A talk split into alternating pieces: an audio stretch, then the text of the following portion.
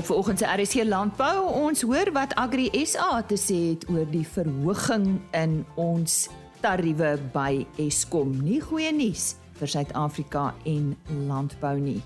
Dr Louis Bouk van die Lankou Diere Gesondheid praat vandag oor biosekuriteit veral as dit kom by die aankoop van nuwe diere.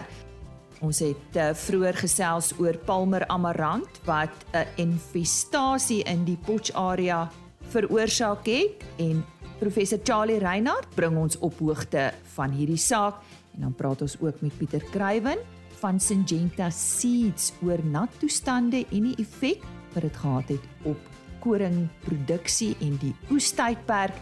Hy gee ook raad vir die volgende seisoen. Is baie welkom by vanoggend se program. Baie dankie dat jy ingeskakel het. My naam is Lise Roberts. Ons begin vandag met nuus en nie goeie nuus vir Suid-Afrika en landbou nie. Die nasionale energiereguleerder Nersa het eh, donderregmiddag aangekondig dat hy 'n tariefverhoging van 9,61% vir die 2022-23 tariefjaar aan Eskom toegestaan het. Die tariefverhoging bestaan uit 'n verhoging van 3,49% vir sy toelaatbare inkomste vir die 2022-23 tariefjaar plus terugwerkende inkomste van 293 miljard wat die verhoging op 9,61% te staan bring. Die tariefverhoging is van toepassing op Eskom se direkte kliënte en sal op 1 April in werking tree terwyl die verhoging vir munisipale kliënte eers op 1 Julie in werking sal tree.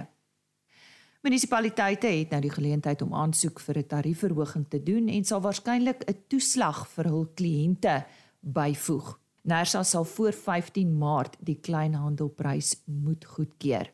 Ons het heelwat kommentaar en reaksie vanaf georganiseerde landbou ontvang. Kom ons hoor wat sê Kulani Siweya, hy's Agri SA se ekonom. AgriSA is concerned that NERSA's decision will place too big a burden on the agricultural sector after a period of drastic increases in many input and production costs. The electricity hike will pile on top of an increases in the national minimum wage, excise taxes, the sugar tax and inputs like fertilizer. We are pleased that the increase is substantially below the 20% requested by ESCOM, but the increase remains above inflation and cumulatively, these increases can only hamper the ability of the sector to recover from the shocks of the past two years. AgriSA will now study the decision, after which we'll be approaching government to find ways to relieve the cost burden on the sector. That's the only way to ensure economic growth and job creation in the sector and also protect the country's food security. Dit is dan Agri SA se reaksie op Nersa se 10% tariefverhoging wat aan Eskom toegestaan is. Dit was eh, die ekonom by Agri SA, Kulani Siweya. En goeie nuus vanaf Vrystaat Landbou en die rooi vleisprodusente organisasie. 'n Vee diefstal wat op 19 Februarie in die Brandfort area plaasgevind het, was vinnig en effektief deur die SAPD se spesialis eenhede aangespreek. 48 dorper oeye en 2 rammer ter waarde van R155 000 is gesteel. Die vinnige rapportering van die saak by die plaaslike polisie het daartoe gelei dat 'n vee diefstal speeder AO Groblaar en AO Olofse van K9 honde eenheid met sy spoorhond genaamd Ashton die spore vir 30 km gevolg het. Hulle het 48 skape by die munisipale weikamp naby die dorpsarea in digte bosse verstreek gevind waar 'n tydelike kraal opgerig was. Alhoewel geen persone met die misdaad verbind kan word nie, is die skape deur die genoemde polisiebeamptes gevind en aan die wettige eienaar terugbesorg. Dit is dan vandag se nuus. Op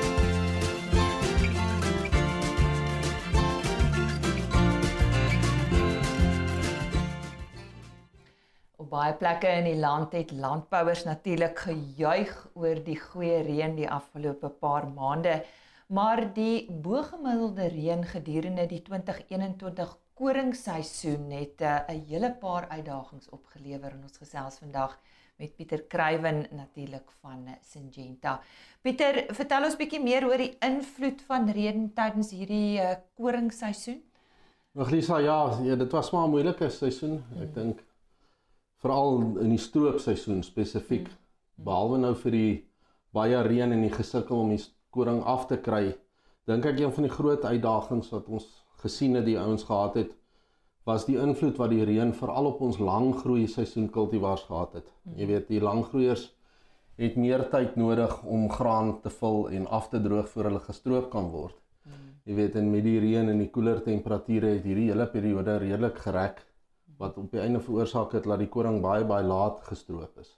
Um jy weet verder wat dit nou ook weer veroorsaak is dat jy uh kry dat die lang ook die langer groeiers omdat hy stadiger afdroog is die strooi ook 'n bietjie taaier gewees en bietjie natter jy weet in die ouens wat mielies geplant het het baie gesukkel met die stoppel in die lande en dit het die plantproses ook 'n bietjie vergemoeilik maar ek dink een van die belangrike goed wat die ouens regtig gevang het is die invloed wat dit gehad het wat op uitloop mm. en die uitloopskade op die koring en die afgradering die graan mm En natuurlik vir hierdie komende seisoen gaan dit 'n invloed hê op die kwaliteit van die ouens wat vir hulle self saad gehou het. So ek dink die boere moet maar net attent wees.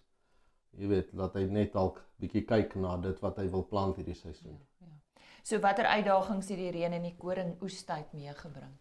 Ja, soos ek gesê het, behalwe nou vir die feit dat die ouens nie in die lande kon kom nie en wanneer hy kon inkom en die graan droog genoeg was om te stroop, dan val daar by reën en dan sit dit om 'n paar dae terug. Mm wat die dit die ouens net nie aan die gang kon kom nie. Is daar natuurlik ander issues ook gewees, maar hmm. ek dink dis darm nie net nadelig nie. Hmm. Die baie reën het natuurlik die grondprofiele lekker vol gemaak so die ouens kon lekker mielies plant na hulle koning afgekom het. Uh maar dis ook nie net maanskyn en rose nie. Jou mielies is nou hierdie jaar baie later geplant as wat baie ouens dit graag wou geplant het as gevolg van die laatstroop. En dit gaan natuurlik veroorsaak dat die mielies ook later gaan afkom. So nou jou opvolg daarop is dat die koring dan nou later geplant gaan word. Jy weet so alles skuif aan hierdie jaar en ek dink dit gaan ook belangrik wees dat die boere dan net moet kyk na die kultivars wat hulle oorweeg het om te plant, net seker te maak dat dit wel die regte kultivars sou wees. So wat kan boere nou doen? Wat se raad het jy? Ja, daar's eintlik baie wat 'n ou kan doen, maar ek dink vir vir my is daar twee belangrike dinge. Ek dink die eerste ene is die kultivar keuse want met enige was is dit maar waar dit begin. Ek dink is belangrik dat die boere moet kyk na aspekte soos jy weet, um opbrengspotensiaal van die kultivar, sy aanpasbaarheid, sy stabiliteit, veral siekte en uitloopweerstand. Ons weet nie wat se seisoen gaan ons hê nie. Jy weet dit kan dalk weer 'n nat koel seisoen wees, dan is uitloop en siekteweerstand baie belangrik. Ehm um, en dan maar ja, die groeiperiode van die kultivar dink ek is ook belangrik. Ons ons self of ek self dink die medium medium kort en kort groei seisoen kultivars gaan definitief die aangewese kultivars wees vir hierdie seisoen. Um juis omdat hulle aangepas is vir daai mid tot laat plantperiode van die plantvenster. Um, en met die plantseisoen wat ons verwag wat aangeskuif word, is dit definitief iets wat 'n ou moet oorweeg. Hmm. Ek dink net wat belangrik is, die boere ook kan oorweeg is hulle moet kyk na hulle saaidigtheid. As 'n ou later plant, dan skuif jou jou vegetatiewe periode verkort. Met ander woorde, jy het minder tyd vir jou koring om te stoel. Hmm. En dit gaan veroorsaak en baie keer dat jy 'n bietjie minder halms en 'n bietjie minder are per hektaar het. So deur jou saaidigtheid bietjie te lig, mm. kan jy dit bestuur. Maar die groot voordeel van 'n hoër saaidigtheid is presies wat hierdie jaar ons benadeel het is dat jy 'n baie egalige graanvul en 'n egalige rypwording het en ook baie egalige afdroging. So die ouens kan baie gemakliker stroop ook aan hulle koring. Um en dan dink ek die volgende belangrike aspek is hoe jy jou kultivars groepeer. Ek dink dit is baie belangrik um dat jy nie jou lang en jou kort groeiers saam op dieselfde spulpunte plant nie. Dis nie altyd moontlik vir almal nie, maar ek dink in daai geval moet 'n ou kyk dat jy dalk eerder 'n medium en 'n kort byvoorbeeld mm. in jou pakket insluit. Um dit gaan maak dat die kultivars of die koring ook betyds gestroop kan word. Jy weet, um as jy dit kultivars van dieselfde groeiperiode bymekaar het, dan maak dit net makliker dat hulle saam gestroop kan word. En in die geval van korter kultivars wat vroeër kan afkom, kan die die produsente ook sy mielies byvoorbeeld vroeër inkry. Hy hoef dan nie te wag tot alles stroop gereed is voor hy dit stroop nie. Um en dan die ander voordeel is dat dit ook jou uitloopskade risiko gaan beperk as jy kan stroop wanneer goed stroop gereed is. En soos ons gesê het, mielies word vroeër geplant en die stroopproewe van hierdie seisoen het dit bewys. Oor 'n hele wye area het ons gesien veral jou medium en jou kort groeiers kan tot 2 weke voor jou langer groeiers stroop gereed wees. Met ander woorde, omdat hy vroeër gestroop gereed is, dan kan hy vroeër afgehaal word. So dit het 'n baie groot invloed ook op wanneer jou volgende opvolgmielies geplant word. Jy weet en dit het 'n groot invloed ook op jou double cropping stelsel. Dit klink vir my of kultivar keuses dan die sleutel tot die sukses gaan wees vir die volgende seisoen. Ek het daar gesels met Pieter Kruiven. Hy is bestuurder bemarking en verkope by Syngenta Seeds. Ons gesels nou oor biosekuriteit en veral as dit kom by die aankoop van nuwe diere en hoe krities belangrik dit is. Ek gesels met Dr. Louis Bouk, hoof van tegniese dienste by Elanco Dieregesondheid. Môre Louis, watter rol speel biosekuriteit met die aankoop van nuwe diere? Vertel ons. Goeiemôre Lize, net om die luisteraars te herinner wat biosekuriteit is. Nou biosekuriteit gaan oor die beskerming van jou diere teen mense, parasiete soos bosluise en wurms en dan selfs bakterieë en virusse. Daarom is dit baie belangrik wanneer jy dink om jou kudde aan te vul, deur om byvoorbeeld 'n nuwe bul te koop of ram of selfs net nuwe koeie om aan biosekuriteit te dink. Nou en dan belangrik waar hulle vandaan kom. Nou ek verstaan dit is nie noodwendig altyd maklik om die geskiedenis van die dier te kry nie, veral as dit op 'n veiling is. En as mens nou in fokus op die voorbeeld van 'n veiling, weet ons dat ons klomp verskillende diere kry van verskillende afkomste wat in een plek saamdrom. En met dit is die diere baie naby aan mekaar en as gevolg hiervan deur die lens van biosekuriteit is daar 'n hoë biosekuriteitsrisiko as gevolg van die samedromming van diere van verskillende afkomste met verskillende potensiële parasiete of bosluise of oordraagbare siektes. Brei 'n bietjie verder uit oor biosekuriteit. Hoekom is dit belangrik?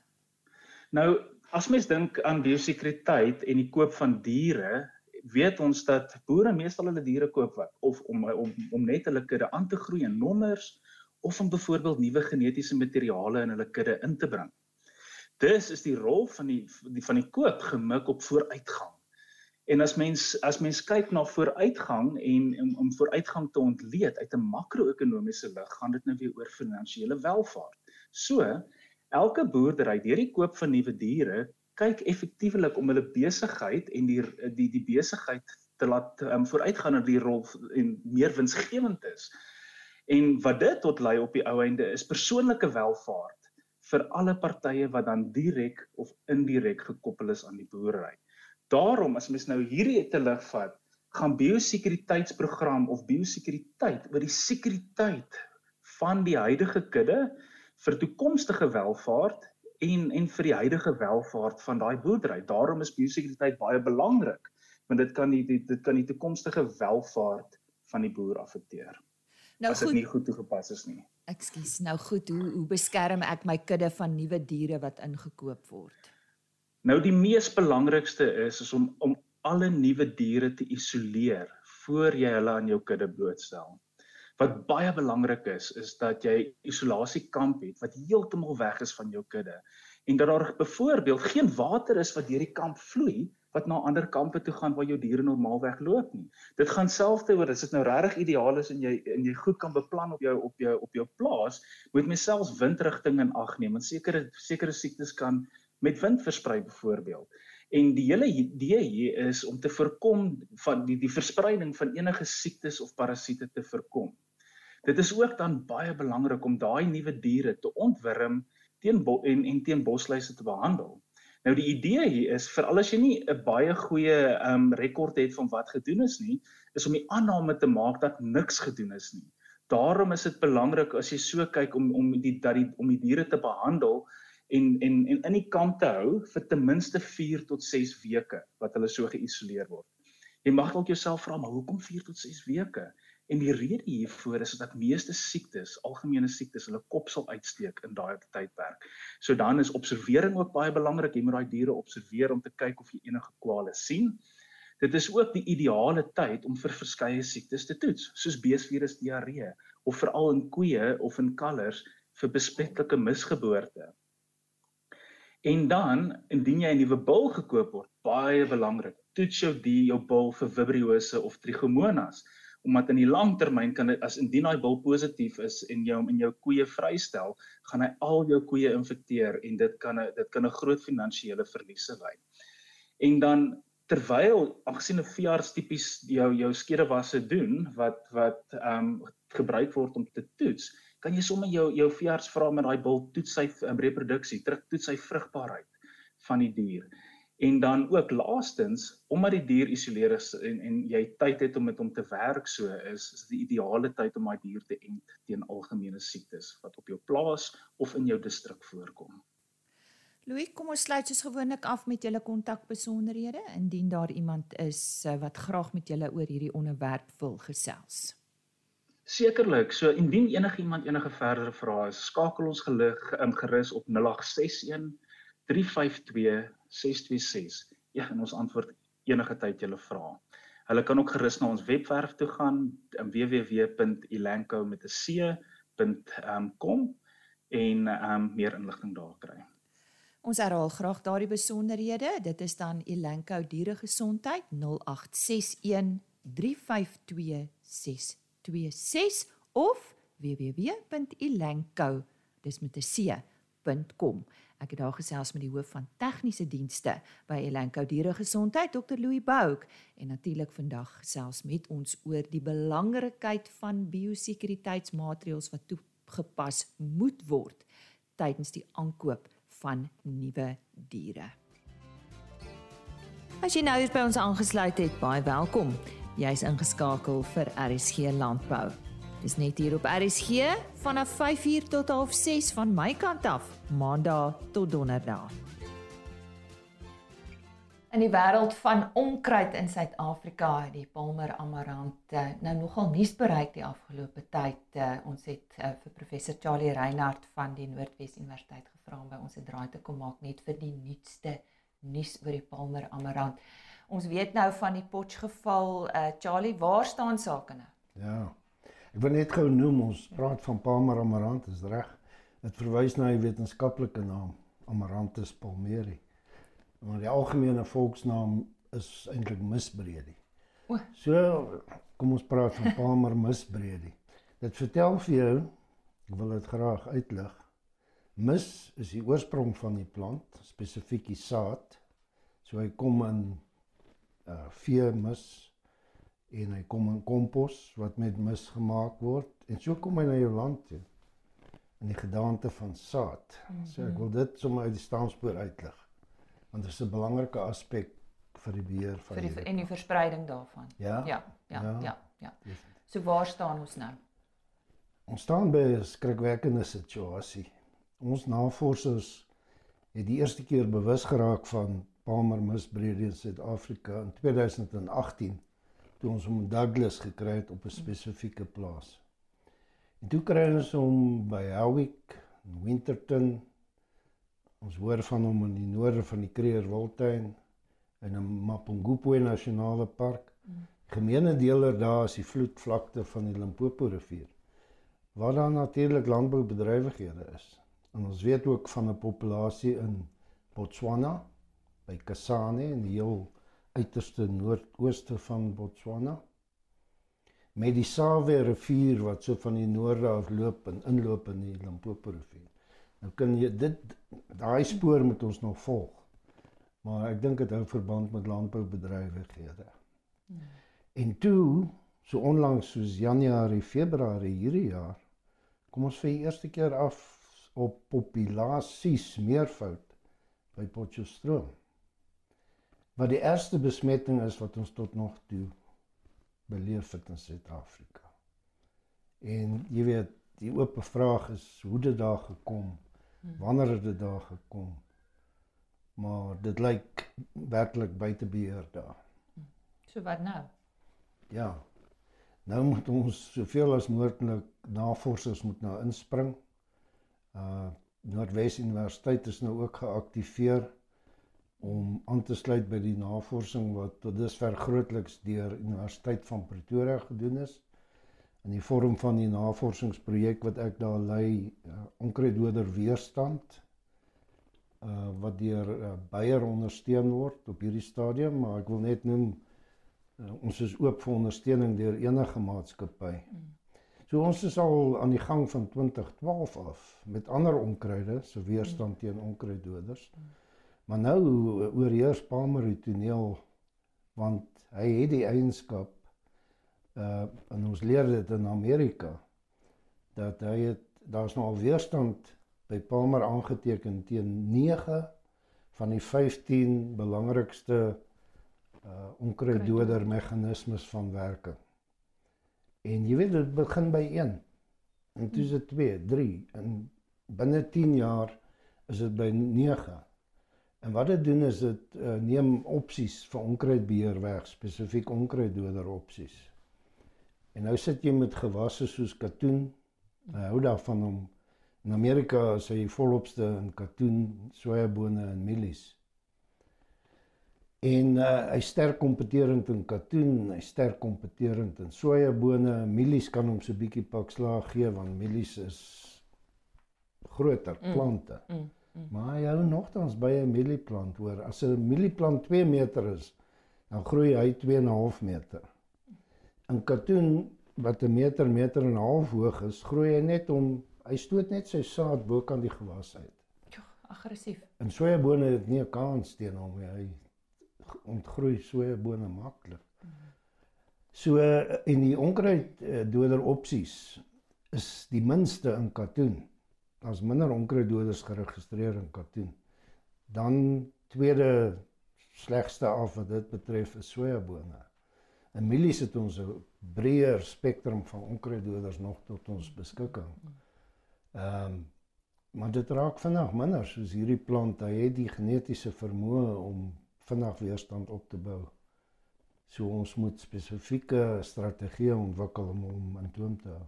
Maar wat is daai strategie? Het jy al tot 'n punt gekom? Ja, omdat ons nou so baie gepraat het oor onkruiddoder opsies, moet ons sê dat mengsels van onkruiddoders die beste werk. Ja, meer as 1 2 3 en selfs meer meganismes van werking moet jy inspann. Jy moenie op een onkruiddoder aangewese wees nie. En dan moenie vergeet van ander uh onkruidbeheer metodes soos biologiese beheer en dit sluit in die gebruik van dekgewasse en dekla om onkruid te onderdruk. En dan is daar ook biologiese beheer waarvan ons nie moet en meganiese beheer natuurlik. Ja. Skoffelaksies. Maar ons weet almal dis nie 'n opsie in geen bewerkingstelsels nie, né? Hmm. Daardie stelsels is word die ergste bedreig deur. Tja. Palmer omdat meganiese beheer wegval en jy net aangewese is op chemiese beheer. En ek weet jy het gesê die Amerikaners het eintlik begin om dit met die hand uit te haal, né? Ja, en dis 'n hoogs tegnologies ontwikkelde land soos die FSA. Mm. Eh, ek het hierdie klassieke foto van mense wat in die land loop, Palmer uittrek op 'n sleepwa gooi en dit wegry om verbrand te word. Mm. Mm. So hulle die, die wiele daar volle siklus gedraai en eintlik soos wat ek by Potchefstroom gesien het, is daardie produsente ook op daai stadium. Want daar's nie 'n onkruiddoder wat hulle nou op daai stadium waar die plante volwasse staan op 'n sojaboom land. Daar's nie onkruidbeheer 'n onkruiddoder opsies nie. So uittrek en verbrand, dis al wat hulle kan doen. Nou dink jy aan op 'n uh, op 1000 hektaar en meer, 'n paar honderd hektaar. Jy kan dit doen op 10 so hektare. Selfs dan teen hoë koste. So insetkoste gaan verhoog en ons weet ons produsente kan dit alarmins bekostig. Absoluut. Ja. Veral in die in hierdie moeilike in tye. hierdie tye. Charlie baie dankie. Ongelukkig nog nie 'n oplossing nie, maar uh julle kyk Nie 'n perfekte oplossing, perfekte oplossing. maar ons ons Ons werk nog hard. daaraan. Ja. Ja, ja, ja. Professor Charlie Reinhardt is projekleier in die SA Onkruiddoder Weerstand Inisiatief by die Universiteit van Pretoria en ook professor in agronomie by die Noordwes Universiteit. Terwyl ek hierdie gesprek met hom gehad het, het ons sommer ook met hom gesels oor die wille sonneblom en die waterhyacint. So, luister uit vir daardie onderhoude eersdaags op RSG Landbou. Dis dan RSG Landbou vir vandag. Môreoggend natuurlik nuus oor die weer en vleispryse, maar daar's altyd natuurlik nog nuus. Net weer ons e-posadres en webtuiste rsglandbou by plaasmedia.co.za stuur gerus vir ons e-pos. Dan is die volledige program op die RSG webtuiste rsg.co.za as potgooi beskikbaar en agriorbit.com. Daar word ons onderhoude ook gelaai. Dis dan uh, RSC landbou van my kant af vir oggend, maar ek sien môreoggend terug soos beloof. Totsiens. RSG Landbou is 'n plaas media produksie met regisseur en aanbieder Lize Roberts en tegniese ondersteuning deur Jolandi Root.